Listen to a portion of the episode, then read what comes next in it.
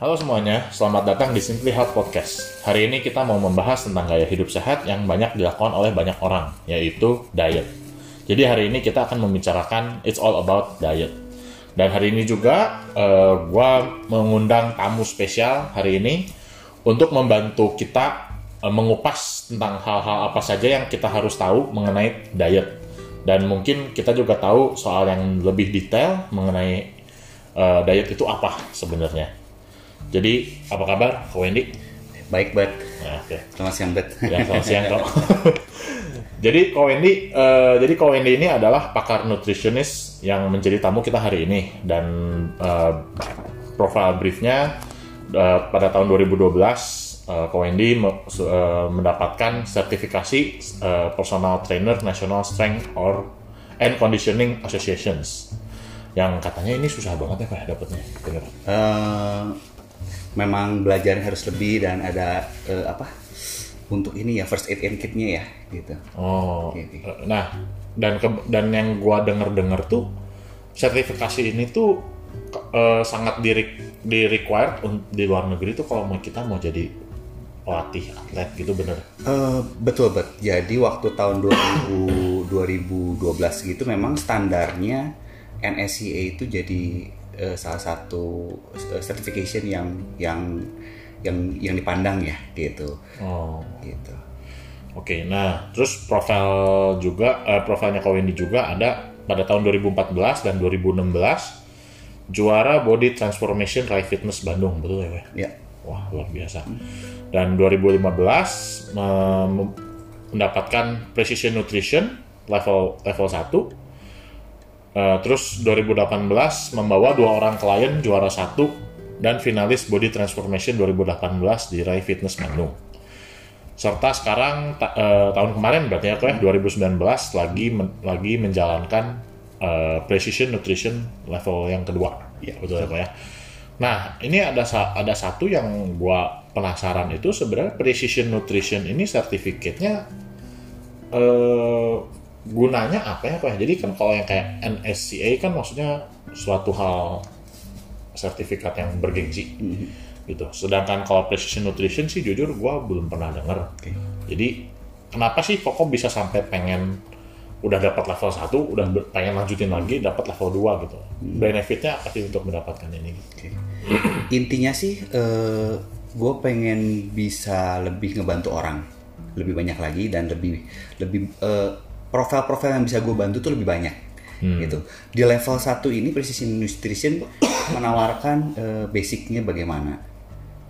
Jadi perkenalan dulu lah, kira-kira kenapa orang itu butuh nutrisi seimbang, kenapa orang itu butuh gerak, kenapa orang itu butuh istirahat, gitu Oh, di level 2 itu lebih mereka lebih mengerucut ke bagaimana caranya nge-coaching orang gitu dan dan caranya mereka nge-coaching itu memang mereka tuh habit base itu jadi mereka nggak yang tipenya agresif dietnya atau coachingnya nggak yang tipenya itu eh, coaching yang yang suruh nyuruh nyuruh marah-marah gitu nggak tapi mereka itu memang tipenya itu bagaimana kita bisa nge-coaching orang itu bisa sampai merubah habit orang ini dan bisa bertahan sampai eh, sepanjang hidup mereka gitu. Nah ini memang kalau buat gua ini yang level 2 ini cukup menantang gitu. Oh, Soalnya dari sisi gua sendiri sebagai coach atau sebagai pelatih kadang-kadang suka suka tergiur ya dengan hasil yang cepat juga gitu benar sih. Kita tuh nggak sabar eh, orang itu memang harus melewati sebuah proses gitu. Gitu bet. Oke, nah kalau gue lihat di sini juga, eh Koko juga sebenarnya bukan pakar nutrisionis aja ya, lebih ada juga kayak PT ya, maksudnya kayak personal trainer, bodybuilder juga ya. Eh, Oke kok, thank you for the profile. Nah, gue tuh pengen nanya juga about kayak ya maksudnya Koko bisa mendapatkan suatu achievement di di sini. Kan berarti kan nggak mungkin kalau misalnya Koko cuma dapetin itu secara asal ya kan? Pasti eh, passion kan? Pasti Koko kayak ah gua pengen di bidang ini gitu awal mulanya tuh gimana sih kok bisa pengen ke sana gitu? Awal mulanya itu memang gue pribadi sepertinya memang eh, berminat di bidang uh, weight training ini udah sejak lama gitu. Jadi gue itu mulai gue mulai berlatih itu gue mulai latihan ibarat kalau dulu orang-orang ngomongnya fitness itu gue mulai latihan tuh dari tahun 97 tapi itu kan kita eh, ya anak sekolah lah dulu SMP ya kita cuma datang ke gym ngangkat-ngangkat udah gitu pulang makan udah gitu. Itu jadi lebih ke arah ke sosialisasi sama teman-teman lah gitu waktu- itu.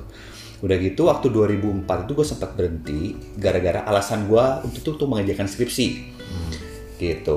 Dari sana gue yang rencana berhenti 6 bulan 14 jadi 4 tahun yang Oh. otomatis berat gue waktu itu dari 68 kalau nggak salah sampai 90 98 99 lah waktu itu. Nah dari sana gue untuk memulainya lagi itu susah payah gitu. Untuk memulai lagi itu waduh gila effortnya luar biasa lah. Gue udah join satu gym dua bulan pertama gue cuma datang sekali gitu. Nah baru ada satu titik di mana gue ayo ah harus niat nih gitu. Akhirnya gue mencoba buat eh, datang ke gym seminggu minimal tiga kali udah gitu gue belajar gue otodidak jadinya Oh. gue waktu itu otodidak karena Nggak pakai PT kok nggak pakai pelatih? Enggak. Wak- apa waktu itu gue pikir gue modal ah gue pakai knowledge gue dulu yang lama itu sama gue dipakai lagi sam, sam- ini sampai gue dapetin konsistensinya lagi udah gitu baru gue coba otodidak lah gitu dan apa dan ternyata semakin gue pelajari gitu gue gue tertarik ya sama sama sama bidang ini gitu karena menurut gue ini salah satu eh, salah satu eh, olahraga yang kalau dijalankan resikonya tuh sangat kecil tapi Oh. kita bisa mendapatkan hasil yang eh, cukup bagus Oh. kalau dijalankan dengan betul ya Betul, iya. gitu kedua ternyata setelah menjalani ini saya juga eh, mengetahui kalau saya tuh orangnya suka dunia servis. Saya suka melayani Hmm. orang. Itu jadi dari dari sini ya udah saya saya kombinasikan ya akhirnya saya saya memberanikan diri buat eh, nemenin orang latihan buat buat ngobrol gimana apa yang saya bisa saya bantu dari mereka supaya mereka bisa dapat eh, resolusinya dulu waktu itu tahun baru atau gimana gitu pak awal mulanya dari sana. Awal mulanya dari sana. Jadi koko udahlah gua pokoknya mau fokus di sini. Mm-mm. karena emang itu Gitu ya. mungkin itu passion. Oke kok seperti yang tadi gua bilang awal kali ini kan kita mau membicarakan soal diet. Ya. Nah sebenarnya gue pengen tahu juga sih kok eh, menurut koko nih Hmm. yang udah sepak terjangnya udah lama gitu. Diet tuh sebenarnya apa sih? Diet itu kalau boleh saya terjemahkan dengan bahasa biasa itu diet itu adalah sebuah pengaturan pola makan Hmm. nah tapi kalau kita memakai terms diet itu berarti ada yang boleh ada yang enggak Hmm. gitu Oh, oke. Nah, terus saya pengen nanya, eh, pengen nanyanya juga, seberapa penting sih di- diet untuk dijalankan itu? Oke. Nah, sebelum kita ngomong penting atau enggaknya diet ya, eh, kita harus kembali lagi ke eh, lu mau diet mau apa nih? Oh. Gitu tujuannya apa gitu? Apakah lu pengen eh, menstabilkan gula darah? Apa lu pengen eh, menurunkan kolesterol? Nah itu kita harus balik lagi ke tujuannya apa nih mau apa gitu. Setelah lu dapet tujuannya, udah pasti lu ngerasa itu penting gitu. Kayak misalkan lu lu tadi cerita sama gua, gua pengen badan gua lebih fit, pengen stamina gua lebih bagus, gua pengen berat badan gua turun. Begitu lu udah dapet eh, why-nya, how is going to be easy gitu. Oh, jadi eh, diet itu tergantung dari sebenarnya kita mau achieve-nya apa ya? Betul. Nggak, nggak cuman kita mau nurunin berat badan atau misalnya apa. Nah, kalau misalnya untuk orang yang su- susah banget naik berat badan gitu, kok, apakah itu bisa dikonsider you need to eh, do a diet? Yes, Ya juga. betul. Soalnya eh, sudah jelas tapi cara dietnya beda dengan Iya, iya. eh, orang yang ingin turun berat badan. Tapi memang eh, diet ini kan dengan artian kan kita mengatur pola makan. Mengatur pola makan ini kan dengan artian gue pengen naik berat badan tapi gue pengen sehat dong. Nah, gitu. Gue pengen naik berat badan, tapi yang naik otot, bukan lemak gitu. Itu Jadi Oh. menurut gue sih eh, apa pun goal lu bisa dicapai oleh sebuah pengaturan pola makan atau diet Oh, gitu bet Oke. Nah sekarang eh sekarang kan metode diet tuh kayak banyak banget ya kok ya. Kayak orang yang menawarkan metode diet itu sangat banyak sekali gitu. Kayak eh, banyak jenisnya dan sebenarnya apa sih yang membedakan dan kenapa ya kok ya ada metode diet yang begitu banyak Oke, oke. menurut Koko sendiri? Hmm. Menurut saya sih kar pertama kenapa banyak metode diet? Karena makin ke sini kayaknya orang makin sadar ya. Eh, makin sadar pentingnya punya badan sehat. Udah gitu banyak yang pengen punya badan bagus. Soalnya lu lu bisa juga bisa lihat sekarang di bioskop bioskop lu kalau lihat film luar negeri lah mostly rata-rata pemainnya itu badannya bagus. Nah dari sana kan sudah jelas ini oh trennya ini ternyata lu punya body bagus tuh eh, satu nilai plus gitu satu nilai tambah. Nah kenapa banyak eh, metode diet? Karena mungkin eh, terpengaruh juga dari budaya luar. Gitu. Seperti paleo atau vegan gitu kan itu eh, kita tuh itu kan awalnya kan mengaborsi dari luar gitu kan. Udah gitu kita coba dan ternyata memang eh, kalau diet ini sih menurut saya harus dicoba dulu Oh. gitu harus dicoba dulu kalau misalkan ternyata kamu suka dengan paleo lu suka dengan keto ya sudah jalani aja Kalau paleo tuh diet yang kayak gimana? Pe? paleo itu yang kita tuh makan biji-bijian Oh, ya ya ya ya. yang banyak eh, tumbuhan gitu Oh gitu. Jadi jadi sebenarnya metode diet yang banyak itu eh, sah-sah aja ya. Cuman dari kitanya cocok nggak gitu ya. betul Oke. Nah, terus mengenai nah ini gue pengen tanya pendapat Koko nih Ya. soal-soal yang kayak eh, diet-diet yang cukup ekstrim ya. Mhm. kayak misalnya apa gak boleh makan eh, nasi sama sekali kayak keto misalnya. Mhm. Oke, oke. atau misalnya yang kayak eh diet mayo ya apa Mayo, yang mayo. yang nggak boleh makan Garam garam, ya? itu oke oke Hmm. kan cukup ekstrim ya buat Oke, kita oke. kita kaum awam gitu. Ya. Nah, pendapat Koko bagaimana tuh? Nah, sebenarnya itu eh, apa ya? Sebenarnya itu kalau untuk kita bicara eh, selain keto aja yang ekstrim ya, ya, ya. mungkin eh, mayo mungkin ya. Ya, ya. Nah, itu mungkin eh, memang itu termasuk diet ekstrim, tapi ada bagusnya juga. Dia dia untuk jangka pendek oke. Oh, heeh. Gitu. Dia untuk jangka pendek itu dia bisa bisa membantu menurunkan berat badan. Tapi tentu aja harus di harus ditemenin lah sama orang yang ngerti gitu. Soalnya eh, kalau menjalankan diet yang seperti itu tuh eh, ada bahayanya juga gitu. Kalau sampai terlalu ekstrim dan dan kita nggak bisa eh, mengenali badan kita sendiri, ntar malah jadi sakit. Gitu. Tapi in a good way, kayak mayo gitu bagus jangka pendek. oh. Ini kalau kata saya. Jadi, eh, jadi kalau yang diet diet ekstrim itu sebenarnya nggak bisa untuk long term ya, Pak? Kalau kata gue nggak bisa.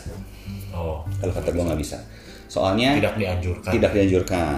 Eh, kayak misalkan eh, diet ekstrim untuk atlet misalkan ya, buat yang atlet binaraga, mereka kan sudah jelas tujuan mereka mau naik panggung, Oh, ya, ya, ya. gitu. Betul, betul. Mereka bakal melakukan diet itu, mereka bakal melakukan pola makan itu sampai mereka naik panggung.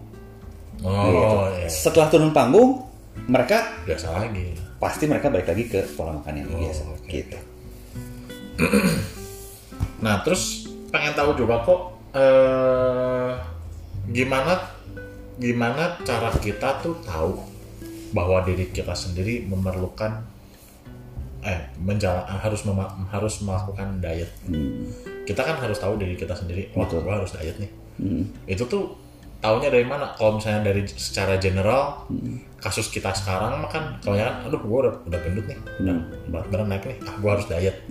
Cuman sebenarnya apakah hanya faktor itu saja atau enggak? Atau masih banyak sih faktor yang kita harus tahu untuk kita menjalani diet? Eh, biasanya itu menjalankan diet itu tetap eh, kita harus nemuin sih kenapanya gitu. Kenapa sih gue harus diet? Kenapa sih eh, gue harus menormalkan eh, gula darah gue gitu? Mungkin nih mungkin ya. Ini kita eh, contoh misalkan keluarga gue ada, ada riwayat diabetes gitu. Nah, Gua sekarang kalau cek darah eh, nggak begitu bagus. gula apa misalkan gula puasa gue masih tinggi. Nah, sebenarnya ini kan sudah satu tanda di mana gue itu harus menjalankan diet. Hasil tes gue jelek, eh, riwayat keluarga gue juga tidak bagus eh, terkait dengan gula darah. Nah, tapi kalau guanya sendiri masih nggak bisa ngedapetin Y-nya, gue kayaknya bakal susah buat mulai diet ya. Gitu. Tapi begitu gue ngerasa, aduh, gue nggak mau nih sampai sampai sampai sampai nyusahin keluarga kalau sampai gue terkena diabetes atau mungkin gue pengen hidup sampai sampai bisa apa bisa bisa ngeliat cucu dong. Nah itu biasa YY itu yang yang yang yang terkait dengan orang yang kita sayangin dengan dengan hal-hal yang penting buat kita. Nah itu biasa menjadi hot buttonnya kita gitu. Oh. Nah ini nih, gue siap deh diet gitu. Nah baru deh bet, gitu. Jadi benar benar benar juga ya ya. Jadi kalau selama ini kan banyak orang diet gagal karena mungkin motivasinya kurang ya. Betul, betul. Why-nya tuh mereka mungkin cuman kayak ah gue pengen Yes. kurus tapi Yes. tapi tuh lu kenapa sih pengen kurusnya betul, ada? betul, bet, betul, betul, Oke, oke, oke. betul, betul. Nah, tadi kan kita udah bicarain soal perception soal diet ya kok ya. Oke. Nah, sekarang gue tuh pengen nanya, pengen bagi juga ke eh, listenersnya juga. Hmm. Sebenarnya faktor terpenting dari diet itu agar diet itu berhasil tuh apa sih kok? Hmm. Apakah dari makanannya, apakah dari gaya hidupnya, apakah dari olahraganya mungkin? Hmm. Apa sih yang harus paling sangat-sangat diperhatikan? Jadi seperti yang gue bilang tadi, eh, semua diet tuh tidak ada yang jelek. Hmm. Jadi kita, eh, gue memang diajarkan buat buat eh, selalu melihat dari sudut pandang berbeda. Tuh jadi makanya gue untuk saat ini gue mengatakan memang tidak ada diet yang yang jelek gitu. Kuncinya apa sih ya? Eh, yang kayak lu tanyain barusan, kuncinya tuh konsistensi Hmm. Gitu. Di mana lu harus menjalankan diet lu itu cukup lama gitu. Lu lu nggak bisa dua bulan Mei Mayo pindah paleo dua bulan, pindah keto dua bulan. Nah itu nggak akan bisa gitu. Oh. Nah itu nggak akan membuat lu ke mana-mana. Nah itu jadi menurut gua sih faktor terpenting dalam diet itu konsistensi. Itu jadi kalau lu pengen menjalani eh, sebuah diet, ya lu harus all out gitu. Lu harus siap dengan jangka panjang gitu Hmm. gitu loh. Tuh jadi jangan jangan li- lima hari diet, dua hari off gitu. Kalau memang lu memang berniat buat melakukan diet, ah misalkan, ya just do it lah, gitu. Terus kedua memang eh, lu harus lu harus enjoy ya dietnya ya, Oh iya, iya. gitu kan. Iya. Lu harus eh, apa ya? Eh, pemaksaan itu ke manusia itu berhasil memang, tapi tidak akan dalam tidak akan bertahan dalam jangka waktu lama. Hmm. beda caranya kalau lu lu bisa enjoy gitu. Nah lu kalau enjoy eh, lu nggak akan merasa ada restriction nggak akan merasa ada larangan-larangan gitu. Gitu. Nah sekarang makanya kalau ini kalau menurut pengalaman lu pribadi bet gitu kan lu ini udah sukses nih nurunin berat badan. So far ada nggak apa makanan apa yang lu larang bagi diri lu sendiri Kalau gua sendiri sih yang gua larang pasti karbo dulu ya. karbo Gitu sih. udah berapa lama Hmm, almost three months kali ya. Oke, Heeh. dengan dengan karbo hilang ini dari dari makanan lu ya, lu merasa eh, tersiksa nggak? Awalnya kesiksa pisan ya. Oke, Awalnya kesiksa banget, Oke. tapi kayak gue mikir, jadi gimana ya? Kalau dari sisi gue sendiri, gue kontradiksi sih. Kadang-kadang gue ngerasa kayak, aduh nasi kan, gue juga butuh ya buat energi atau apa gitu kan. Tapi di sisi lain kan, ya gue pernah membaca kayak sebuah artikel gitu bahwa zat gandum, zat zat ya zat karbohidrat, Tepung. Hmm. zat tepung itu WHO sudah me- menyimpulkan bahwa itu tuh tidak sehat. Hmm. Jadi ya lu harus ada substitute yang emang lebih sehat gitu. Jadi gue juga kadang waktu itu kayak bingung juga, aduh gue harus ngapain? Dan akhirnya ya gue ambil jalan tengah. Akhirnya kayak ya udah gue cut karbo aja. Gue cut karbo tapi bukan berarti gue nggak makan bener-bener enggak gitu sih. Gitu sih dan ya gimana ya kalau bisa dibilang enjoy untuk saat ini sih enjoy enjoy aja lah ya. Gue nggak makan nasi ya santai. gitu. Bagus, bagus. Tapi waktu awal-awal sih Wah gila struggle banget sih gue. Iya. struggle pisan. betul betul. Gitu. Ya, memang sebuah perubahan teh pasti struggle sih. Hmm. Dulu gue juga ingat waktu, waktu pertama kali gue gue ke gym pun juga kan itu gue melakukan satu perubahan ya gitu. Itu pasti struggle sih. Ya maksudnya iyalah lu pengen merubah satu keadaan kan lu pasti lu harus harus harus ad- harus ada yang dirubah nih kan gitu. Nah biasa perubahan ini pasti memang gak akan nyaman gitu. Betul betul. Oke oke. Oke oke. Sip. Nah eh, ini kok sekarang kan eh, diet kan banyak banget metodenya, terus ya kegunaannya apa aja banyak. Nah sekarang gue pengen nanyanya in general aja kok menurut Koko diet yang baik dan benar tuh kayak gimana sih? oke Ah, Dianjurkannya seperti apa gitu? In general aja. kembali dengan menggunakan bahasa sederhana gue bisa bilang yang paling bagus itu kayak waktu kita diajarin waktu SD bet empat sehat bet Empat sehat lima empat sempurna. sehat lima sempurna ya mungkin kalau sekarang kita susu memang kita eh, ya lu lu kalau SD lu bolehlah minum susu banyak gitu ya. Tapi sekarang lu kan bukan anak SD lagi gitu. Tuh jadi silahkan mencari sumber yang lain lah gitu. Hmm. mungkin ya mungkin kalau saya lu lu masih demen susu mungkin bisa diganti sama protein shake atau apa gitu kan Oh, ya. iya, iya. gitu tuh. Jadi memang yang sehat itu diet itu adalah yang seimbang. Yang seimbang. Yang seimbang ini dalam itu dalam artian ada karbohidrat ada protein ada lemak bagus dan ada vitamin mineral. Gitu. Nah tinggal masing-masing makronutrisi ini kita atur porsinya. Sesuai dengan kebutuhan lo gitu. Lo pengen apa nih? Pengen ini pengen terus berat badan. Ya udah sayur yang banyak daging yang banyak karbohidrat secukupnya dan pilihannya juga dibatesin misalkan buah aja atau ubi atau kentang. Terus jangan lupa lemak bagus kayak kacang atau olive oil.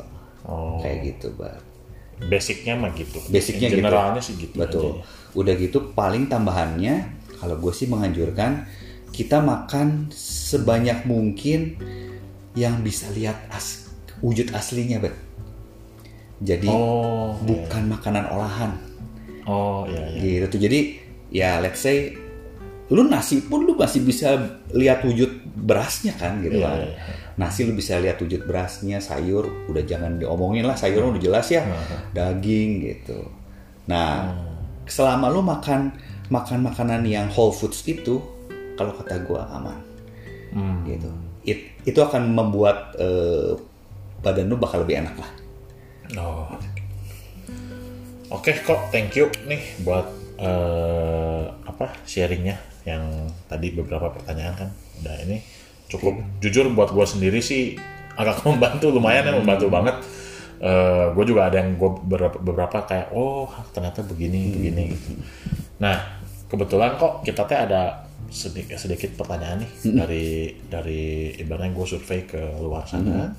Ada orang yang menjalankan diet dan dia ada ya dia ada beberapa pertanyaan yang dia tuh pengen tahu dari mungkin dari orang yang lebih expert gitu. Nah begini pertanyaannya, apakah bisa menstabilkan berat badan setelah dietnya sukses dengan tanpa olahraga? Ngerti nggak kok? ngerti ngerti Ya, eh, ngerti ngerti pendapat koko gimana? Oke. Pendapatnya itu ya dan tidak. ya dan tidak. Karena pertama-tama ya, manusia itu adalah eh, makhluk yang kompleks. Mesin yang kompleks ya. Seiring dengan usia naik, ada hormon yang turun. Mhm. Hormon turun, metabolisme turun. Ya, Oke. Nah, kalau lu eh, dengan pola makan yang sama, let's say sejak lu kuliah sampai lu umur 55 tahun, lu mau makan makanan yang sama, itu lagi, itu lagi, itu lagi. Kita ambil aja lah eh, generalisasinya kalorinya sama. Gitu. Dengan seiring pertambahan usia, tidak dijamin berat badan lu bakal sama. Karena tadi gitu ada penurunan metabolisme, ada penurunan hormon-hormon tertentu gitu. Jadi eh kadang-kadang itu orang memang menganggap olahraga itu adalah sebuah beban, ya, ya sebuah beban gitu. Kalau gua sih eh, inginnya coba kita cari sis- eh, pandangan dari sisi lain nih. Olahraga itu nggak harus ke gym loh, gitu. Olahraga itu nggak harus basket atau futsal. Gitu. Lu lu jalan kaki 10.000 ribu pun sehari itu buat gue udah luar biasa banget. Gitu. Bisa dibilang lu nggak perlu olahraga, lu selama tujuh hari dalam seminggu lu jalan 10.000 langkah makan dijaga itu akan membuat badan lu jauh lebih enak gitu tuh jadi perlu olahraga nggak iya dan tidak sebenarnya tapi kalau untuk lu berhenti olahraga dan lu pengen berat badan lu stabil eh gue nggak bisa jawab itu juga gitu soalnya terlalu banyak faktor yang menentukan gitu Nah, eh, ada ada lagi nih pertanyaannya kok. Eh, ada nggak sih jenis diet yang direkomendasi untuk tipe badan tertentu? Kan kadang-kadang ada tipe badan yang gemuk cepet banget, kurusnya susah susah setengah mati. Ada juga yang susah gendut tapi eh, kurus terus gitu segala macam. Ada nggak sih tipe diet yang emang direkomendasi untuk tipe badan badan yang tertentu yang kayak tadi gitu kan tipe badan orang tuh berbeda-beda gitu. Kalau emang ada, contohnya apa kok? Gitu. Sebenarnya kalau tipe diet, tipe diet sih gua rasa semua tipe badan bisa mencoba buat mengaplikasikan. Hmm. Buat tipe diet ya. Keto, mayo segala macam. Silahkan buat lu trial and error lah gitu. Oh. Gitu supaya lu juga bisa mengenai badan sendiri. Tapi kita bisa bilang bisa nggak satu diet misalkan diatur eh, sesuai dengan badan eh, klien misalkan? Bisa. Maksudnya Bisa. gimana? Nah, jadi gini, misalkan nih kita ngomong eh, Atkins. Kalau Atkins kan low carb ya, low carb ya. Nah, Atkins ini misalkan eh, klien gua pengen turun berat badan. Dia sedikit overweight. Nah, dengan Atkins ini bagaimana sih? Gue bisa menganjurkan dia. Ini klien gue sedang menjalankan diet Atkins nih. Bagaimana caranya gue bisa ngebantu dia menggunakan Atkins ini agar dia bisa mencapai tujuannya. Oke, contohnya nih, lu banyakin sayur, makan sayur dua porsi sekali makan ya, makan sayur dua porsi, makan daging dua porsi, makan karbohidratnya setengah porsi. Udah gitu kacang sedikit saja, minyak sedikit aja, itu olive oil atau kacang merah atau apa pun sedikit aja. Nah, karbohidrat setengah porsi ini termasuk dengan buah. Hmm. Jadi dia harus pilih mau mau beras, nasi putih, nasi merah, atau mau buah. Soalnya cuma setengah porsi, gitu. Silahkan jalanin. Nah itu bakal membantu dia buat turun berat badan dengan diet Atkins tadi. Nah contoh kedua, gue ada klien misalkan dia ingin eh, rekomposisi badan, dia pengen naikin massa otot, pengen nurunin lemak. Caranya gimana? Eh, sudah jelas pertama gue menganjurkan dia buat eh, weight training soalnya buat buat naikin massa otot itu ya kita harus pakai otot tuh jadi lu harus olahraga gitu kan dia sudah oke olahraga kita coba bantu dietnya. Nah dietnya ini kayak gimana? Dietnya itu mirip sama yang tadi. Sayur dua porsi daging dua porsi misalkan ya. Karbonya gue bisa atur dari satu porsi sampai satu setengah porsi. Gimana orangnya? Dia dia dia penyuka karbo atau enggak gitu. Tapi buat orang kayak dia dia masih ada eh, spare itu di carbs gitu dia Oh. boleh makan carbs lebih gitu Iya, kan iya, iya. nah sama tapi sama carbsnya tidak boleh carbs yang yang Olahan. yang olahan lah gitu sebisa mungkin. Lu harus pilih, lu mau beras, kentang, ubi atau buah gitu kan. Nah, bedanya itu cuma di porsi, Porsi aja. di porsi saja gitu. Oh, oke oke. oke. Berarti kesimpulannya sih kalau dari nggak ada ya jenis-jenis diet yang emang direkomendasi untuk badan tertentu sih nggak ada. Hmm, Cuman lebih ke arah porsinya aja. betul banget tuh. Nah, Ya misalnya lu pengennya nyampe nya ke mana, ya lu porsinya ya lu atur untuk mencapai ke sana. betul gitu betul. kan. Betul betul. Berarti kalau yang gue menyimpulkan dari ya kita interview wawancara kayak gini yang gue simpulkan itu diet itu sebenarnya bukan hanya program untuk lu menurunkan berat badan. Betul, betul. Itu merupakan ibaratnya lu mau mencapai apa sih di badan lu? Ya. Nggak cuma turunin berat badan, mungkin lu menormalkan gula darah atau ya naikin berat badan juga bisa gitu Betul, kan betul. masa otot dan lain-lain. Eh, dan yang gue menyimpulkan juga diet ini itu sebenarnya bukan hanya eh, ini ya, maksudnya eh cara orang bukan bu- gimana ya, jadi bukan hanya kegiatan sementara lah intinya gitu diet itu oh gue lagi gendut gue diet kurus udah kurus biasa lagi nanti udah gendut lagi kurus lagi bukan yang kayak gitu Iya. ya ternyata yang gue yang gue nangkep itu Iya. diet itu adalah eh, lifestyle lu sih Betul. gaya hidup lu dari lu sekarang lu memutuskan diet until ya selamanya gitu sampai lu hidup ya itu Betul. gaya hidup lu seperti itu jadi lu badan lu lebih sehat gitu Betul. bukan hanya kayak cuman program gua gua gendut nih. Gua 100 kilo. Ah gua diet. Sampai ambil 70 kilo. Ah udah 70 kilo makan haluknya kan. Nanti udah 100 dia lagi. Bukan kayak gitu ya kayak bukan bukan. bukan ya. berarti emang sebenarnya diet itu sangat dianjurkan untuk jangka waktu yang panjang. Betul. jadi pilihlah metode diet yang emang betul-betul lu enjoy Betul. melak- melaksanakannya Yes. gitu ya. Jangan maksain juga karena yang namanya maksain juga in the end lu pasti kalah sih oke gitu ya. betul betul. Ya udah paling eh, segitu aja kok dari kita dari Simply Health Podcast. Thank you banget buat Thank you, Bet. waktunya. Eh, udah mau mampir nih ke sini udah sekitar 30 menit nih ada kita ngobrol. Iya thank you banget Bet. Eh, thank you banget. Ditunggu aja kok ya eh, buat kita publishnya. Oke. Ya. Oke. oke gitu aja kok. Iya. thank you pisan. Iya. Eh, so basically eh, segitu aja dari kita. Eh, mungkin eh, para listeners ngerti lah ya eh, apa itu sih sebenarnya apa sih diet itu dan pengaplikasinya kan bagaimana. So eh, stay tune terus Eh, ditunggu buat episode berikutnya. Thank you